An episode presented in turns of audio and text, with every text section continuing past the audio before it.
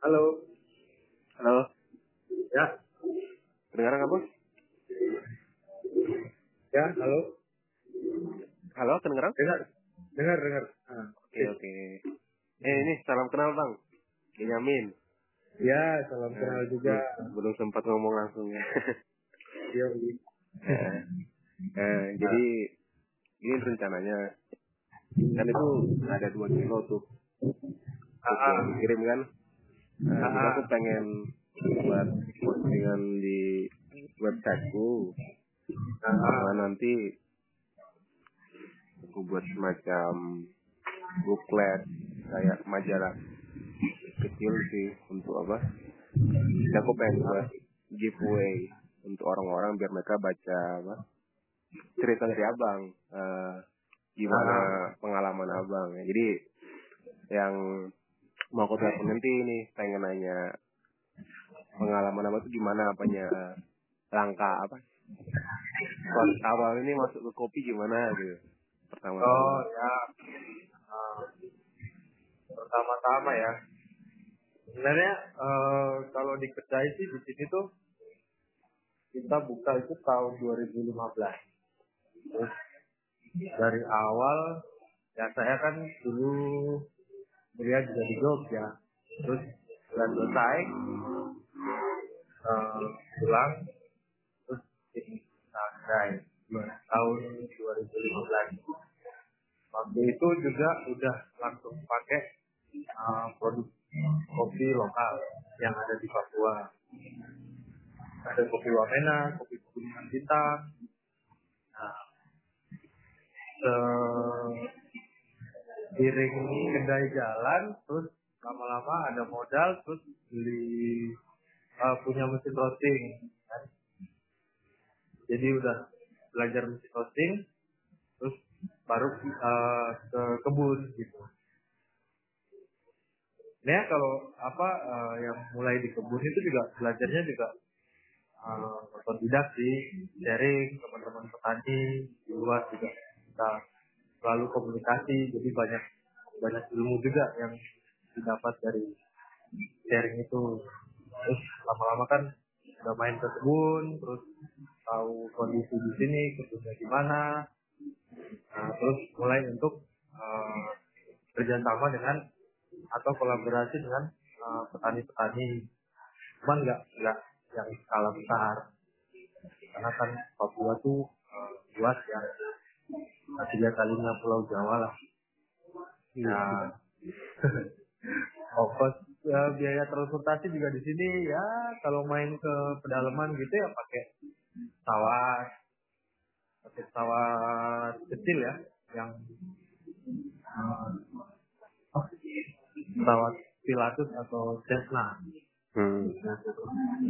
Nah, kalau dihitung-hitung sih jarak jaraknya sebenarnya dekat-dekat, cuman karena Medan terus di sini kan belum ada jalan ya, jadi akses satu-satunya ke pedalaman yang paling pesawat.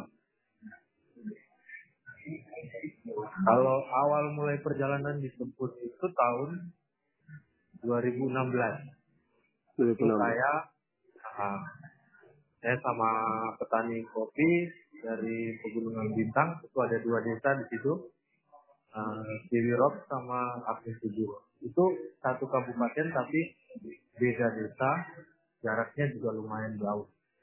Hmm. naik turun gunung lah. Naik turun gunung. Ya untuk ketinggiannya ya paling sekitar 1.800 sampai 2.000-an lah. Itu ketinggian apa desanya. Terus jalan udah. Sering juga ikut eh, event-event jadi bawa selalu bawa kopi Papua. Kadang kalau petaninya sempat ya saya ajak petaninya eh, ajang-ajang event di lokal atau di Jawa kayak gitu. Ya masih dalam tahap inilah pengenalan. Ya kan? Setelah saya jalan baru saya tahu oh di pegunungan bintang itu ternyata eh, jarak desa satu sama desa lain tuh ya lumayan jauh terus ada perbedaan suhu perbedaan uh, lerengnya, kemiringan, macam-macam lah, topografi lah. Jadi otomatis uh, cita rasa kopinya juga beda-beda. Dulu mungkin kita tahu kopi pegunungan bintang itu digabung jadi satu, tapi semenjak saya jalan, terus ini udah mulai diceritain kayak per desa gitu. Jadi kayak gitu. Terus uh, dari pegunungan bintang, baru ke Wamena. Nah, di Wamena ini uh, sebenarnya aksesnya lebih gampang dan lebih murah. Cuman sama jaraknya juga dari antara satu desa ke desa lain juga ada topografi, uh, alam dan lain-lain juga jadi beda rasa kopi. Kadang orang kenal kopi Wamena yang ada di Wamena aja ternyata uh, banyak desa-desa penghasil kopi atau yang punya kebun kopi. Nah, sudah selama ini seperti itu mas sampai ke Ladijaya. Ladijaya itu daerah pengalaman kopi juga. Iya, oh. itu dia dari Wamena sekitar uh, 80-an kilo lah. 80 kilo. Nah, ke arah barat daya. Waktu itu apa? Yang yang mau kerja sama berikutnya gitu ya? Uh, itu udah udah oh, jalan. Udah jalan. Ah. Uh, ya ini lagi coba buat ini daftarin indikasi geografisnya mereka. Punya Oh. petani berdesa yang punya indikasi geografisnya beda-beda. Itu terdaftar di Kementerian Haki, ada nomor hakinya.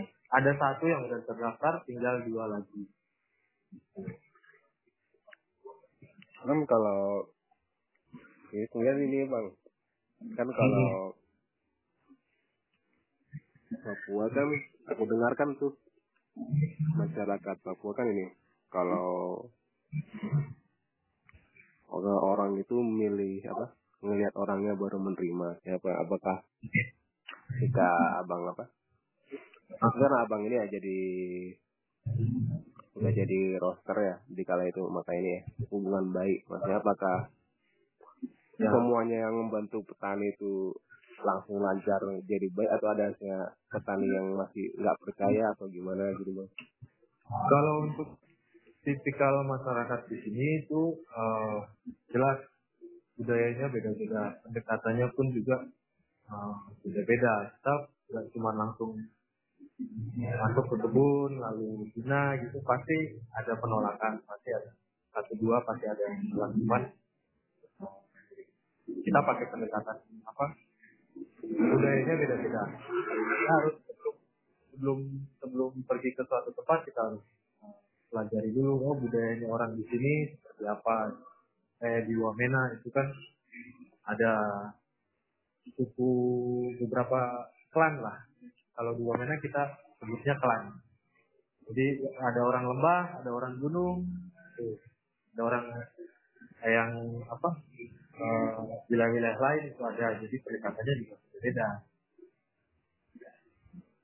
Dan mereka nanam kopi itu sebenarnya eh, sejarahnya itu dulu eh, BPPT ya waktu masih tahun 80-an itu masuk ke wilayah-wilayah di Papua lalu dikasih bibit. Coba kan itu berapa bibit yang bertahan ya yang sampai hidup sampai sekarang ini. Walaupun sebenarnya juga waktu saya belajar dari sisi historinya itu dulu kopi sudah ada waktu zaman misionari. Jadi kan uh, banyak misionaris yang bawa kopi langsung dari Belanda coba ditanam di sana hidup cuman tinggal satu dua satu dua wilayah ya yang kebun-kebun lama tuh masih ada. Yang lain sudah uh, eranya BPPT tahun 80-an itu PT ya swasta atau yang nasional BPPT yang swasta dari luar kah atau swasta lokal? Oh BPPT tuh ini itu balai pemerintah. PTPN PTPN gitu modelnya. Ah semacam Oh. itu. Tahun 80-an lah. Jadi sebenarnya kalau dari segi jumlah yang nanam sebenarnya banyak sekali atau di, apa enggak, dibandingkan di daerah Sumatera lebih banyak. Oh, Artinya sebenarnya kalau di sini itu mereka punya kebun kopi itu satu kakak satu keluarga itu rata-rata ya paling punya satu hektar setengah hektar jadi bukan bukan skala perkebunan yang seperti di Sumatera itu enggak ini cuman per keluarga aja punya satu dua hektar lah kayak gitu Terus itu kan ini apa? Misi abang ini kan ini apa? Eh, penduduk lokal kan menikmati kopinya Papua sendiri toh kan ya. Cita-citanya kan. Nah, ya eh, reaksi. Jadi ini kan ada dua lokasi lah ya tempat awal usaha di daerah lebih kota sama daerah kampung kan. Itu nanti reaksinya terhadap kopi yang spesialty itu bagaimana masing-masing gitu. Kalau Yang di situ dulu eh, waktu saya masuk ya tahun Ya. 2014 itu mereka belum paham soal spesialty sama komoditi waktu itu. Kopi Papua masih menjadi komoditi yang dikumpulkan dari satu daerah daerah lain desa lain untuk satu Jadi lama-lama mereka paham. Oh spesialty seperti ini. Jadi masing-masing desa punya komoditi soal mereka menerima dan enggak ya pasti eh, mereka bangga lah. Waktu saya roastingkan kopi mereka saya kembalikan ke mereka terus kita cupping eh, sama-sama. Waktu itu kan apa mereka mereka nggak tahu nggak tahu caranya. Seperti apa diolah seperti apa belum tahu. Jadi saya bantu sampai mereka kenal kopinya mereka. Ada rasa bangga lah. Makanya semua pada balik ke kebun kerja lagi kayak gitu reaksinya saya seneng ya mas nyobain yang kamu roasting ya mas bang. ya iya oh, senang sekali oh. Sama tuh banget. Oh, lupa berapa hari yang lalu tuh ya. Aku lihat ini postinganmu yang robusta dari mana gitu yang Papua. oh iya Tentang nah, itu nah itu kan ini yang apa pesan yang sam- abang sampaikan kayak ke bupati itu akhirnya memang kalau pemerintah lokal sana emang enggak ini ya nggak memperhatikan perkebunan kopi gitu ya atau gimana. Atau beberapa doang atau Ya sih, itu gitu itu cuma event-event aja apa kebetulan adik ipar saya kan kerjanya di kantor bupati toh. Nah, ini coba saya kasih ke bos coba dia rasa gitu. Ini kan kalau robusta satu-satunya memang ada di situ di kepulauan Yapen gitu. coba apa ya ya pemerintah di sini juga tidak begitu serius soal komoditi padahal kalau kita mau lihat komoditi terbesar di sini sekarang itu kopi kakao sama eh, ini vanili yang baru-baru bagus apa pemerintah di sini tuh pejabat-pejabat di sini tuh agak harus sering diingetin. Apa masyarakatnya butuh apa gitu ya. Selalu ada. Soalnya kan jarak jarak tempuhnya juga lumayan kok kalau dari kota ke pedalaman. Kehadiran kehadiran pemerintah itu bisa jadi uh, semacam tersendiri untuk uh, petani-petani kopi terutama. Jadi gitu sih. Itu cuma soal ini aja apa tipikal pejabat-pejabat di sini lah yang agak cuek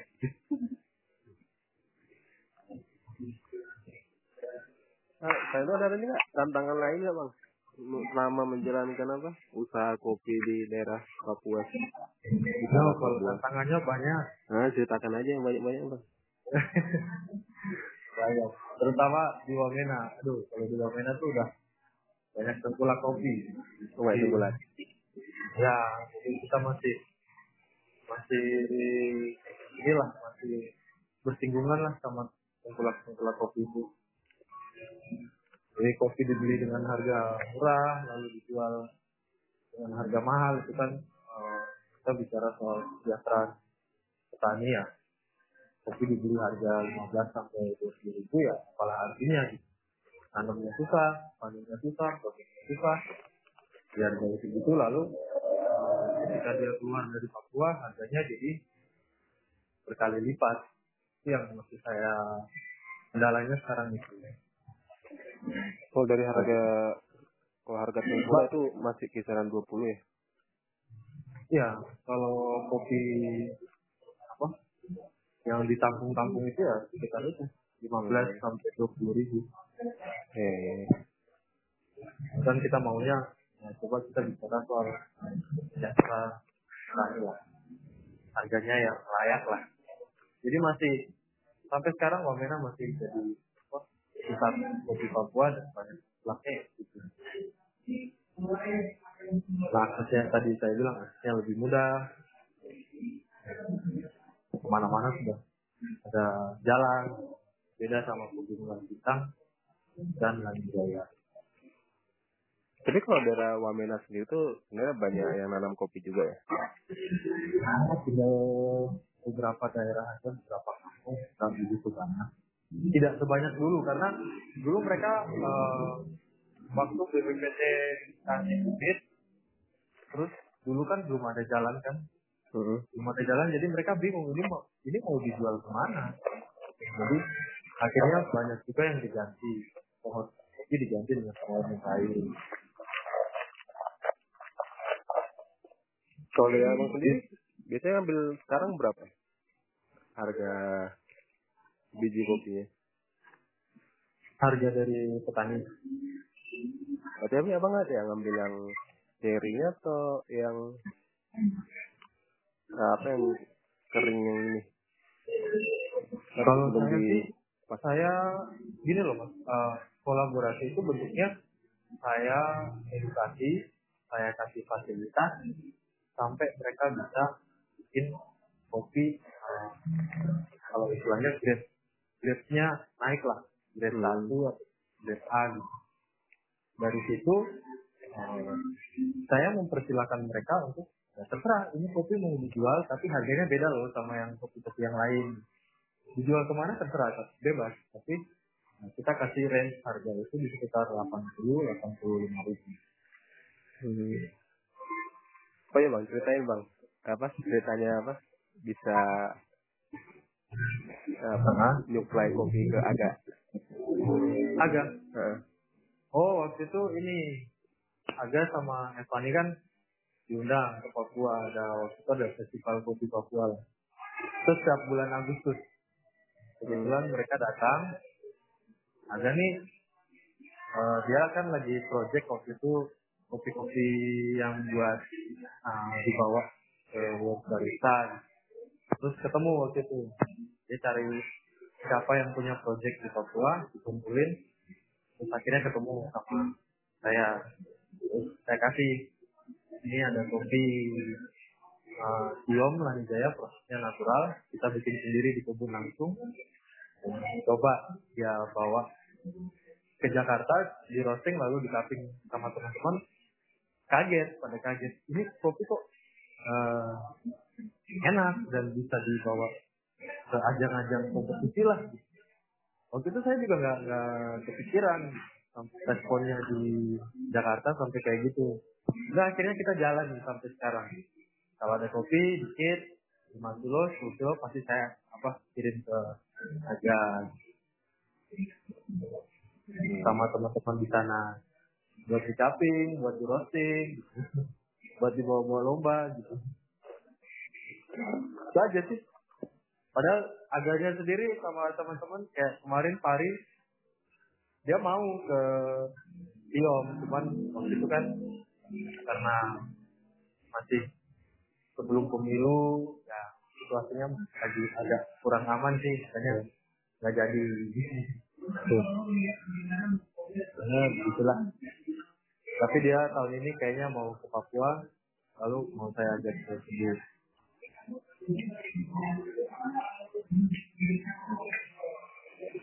Itu sih awal ketemu Aga tuh. Oh gitu ya bang ya. Eh, Ah, iya, iya.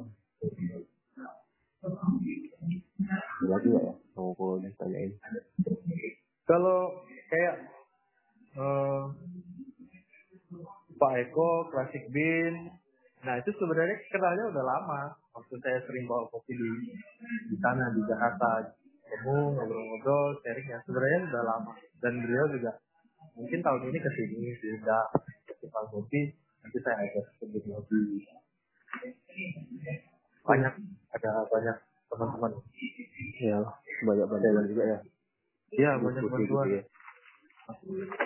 Memang ini bang, kopi yang aku terima tuh, ya iya kulit titiknya bagus memang, keringnya juga oke, Nah, mantap memang.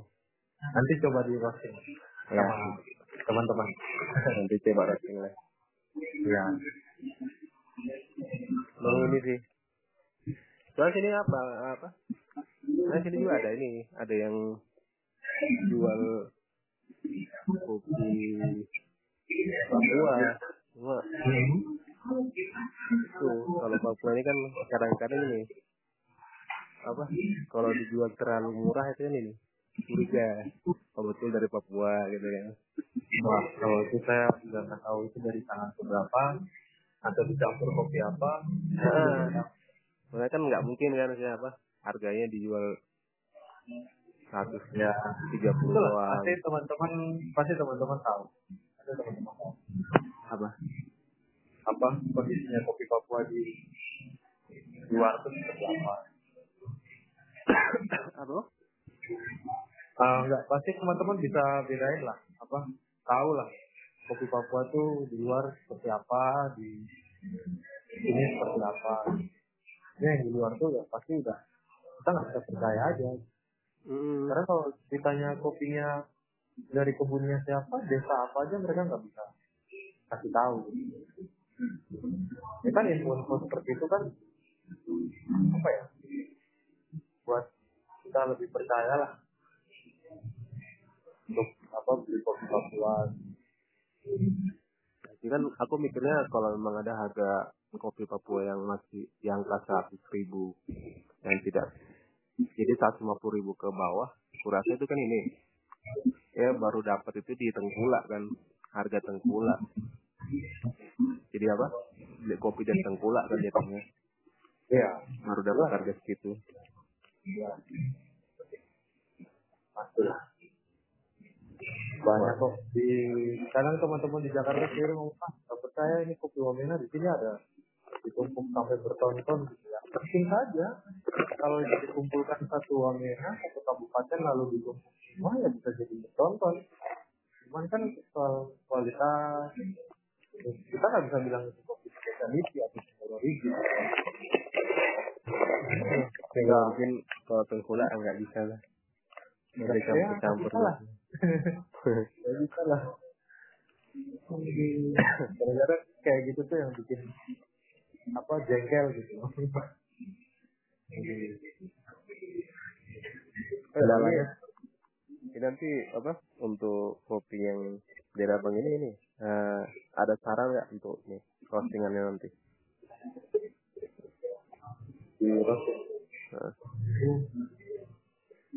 Wah, kalau proses sendiri. Paling nanti nih eh, kerja sama samanya aja teman yang punya roastery aku yang roastingin temanku aja. Oh, kalau roasting kopi natural ya jangan di light roast lah. Sayang, nggak keluar semua rasanya di medium aja. Ini ini berarti apa? Prosesnya itu sesuai sama yang di kartu semua ya? Ya, itu natural. Oke oke. Jadi ini ya medium aja lah ya nyamannya. Saya medium aja biar puas. Kalau di light roast bisa sih, cuman ya dapat dapat rasanya cuman itu doang, sedikit. Cuman kalau di medium dia lebih kompleks. Oh, oh ini juga kalau ini kan aturannya biasa berapa nih? Kalau di saya tuh itu kan ketinggalan 1800 Oh, kondisi dia di kopinya. Heeh, atau di bawah di bawah gitu. Nah, kebetulan aku aku tuh kalau ke pedalaman pasti bawa plastik dum. Jadi mereka udah udah punya dum sendiri masing-masing. petani itu aku bagi-bagiin aja sama para net ini mereka bikin sendiri jadi jemurnya juga ya cepat lah paling 20-30 hari udah kering Kebanyakan apa mas? Bang? Natural atau was biasa Kalau- atau kalau yang di pegunungan bintang itu mereka dari dulu pakai natural. Karena jarang ada yang air sumber airnya jauh. Kecuali kalau di Wamena. Di Wamena air sudah banyak mereka pakai buat oh masalah ini ya. Masalah air lah ya Eh, mereka juga tahu cara itu dari BPPT dulu. Iya iya iya. sesuaikan medannya masing-masing. Memang kalau di jarang dapat Papua natural biasanya kan was yang wamena. Oh ya Eh, Wamena itu project nanti lah ini aku lagi bikin wine. Wine? Ya jangan lama-lama bang tapi banyak sebulan aja Ya. bulan cukup ya. Udah lagi dibikinin sama petani petani. Jadi aku lagi coba bikin eh, satu kebun tapi punya berapa proses biar nanti apa teman-teman mintanya yang apa. Hmm, ya. kalau bos kalau untuk apa bos terutama sih bos itu ya kerjanya lebih cepat cepat kering cuman ya Air rasanya tetap itu aja ya ah, airnya Oke. paling susah tuh air sih memang kalau ada was itu. Karena gue coba juga air sih paling banyak. Itu airnya harus gerak terus tuh harus tidak terus jadi agak susah tapi mereka terbiasa sih dengan proses itu di yang di Wamena. Pada saat aku ngasih tahu ini natural ini ini ini mereka agak kaget juga. Wah sempat gak percaya juga. Ini bener nggak sih nanti jadi kopi gitu bisa mungkin aja. Gitu ya. jadi jadi gitu. Cuman mereka coba sendiri terus kita coba roasting. Wih rasanya beda gitu. Mereka kaget. Akhirnya ya dari situ mulai. Ada yang wash ada yang natural ada yang wine.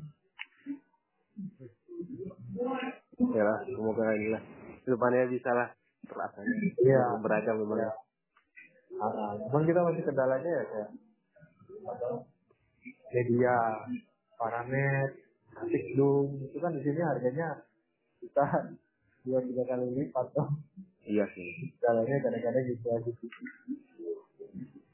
Apalagi kemarin teman-teman eh, coba bikin anaerob, cuman nggak ada zoomnya ya udah lagi tunggu medianya dulu apa zoomnya datang dulu baru kita bikin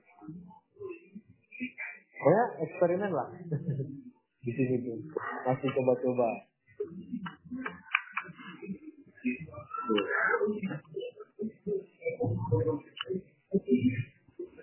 Nah, nanti kalau pas ini ada kopi Langit Jaya, nanti aku kirim aja. Oke siap bang. Itu kopi favoritnya Aga sama teman-teman di Jakarta. oh gitu ya buatnya kayak Ya, Langit Jaya. oke oke. Siap siap nanti saling berkabar aja lah itu kalau masalah itu Ya, ya. Ini eh, punya blog sendiri. iya aku buat Iya. website komik kopi Website. gitu. Ah, karena aku sebenarnya apa? Buat ya kan ini juga bang. Apa? Oh, di kampung juga ngelola kopi juga sebenarnya. Wih. aku juga apa? Nyoba pasca panen juga. Jadi juga jadi penasaran kalau di Papua tuh tantangannya seberat apa ya Nah, kalau di Sumatera kan udah gampang sebenarnya Udah gampang. kalau dari segi fasilitas kan Hmm. cuma kalau ngomong penasaran kan nih nanya-nanya lah Kalau ada waktu ya Agustus itu main ke sini festival kopi. Kayaknya ya? besok kayaknya aku bukan gak ada waktu bang gak ada duit Wah, iya ya. Cari sponsor lah. dari paling ini lah tahun lagi lah bisa nabung-nabung ikutan gituan Ya, main lah sini nanti. pengen sih kan asik gitu Diajak kebun. pengen lihat festivalnya itu kayaknya besok guest star-nya tuh Pak apa Eko Klasik Bin terus Mas apa? lima tujuh lima delapan nih Mas Adi. Tuh. Dirame lah. Presiden nanti bakal datang. ya? Presiden. presiden nggak tahu. Dia kan lagi itu lagi ada proyek komoditi kopi 26, koma berapa juta US dollar nggak tahu kalau dia mau datang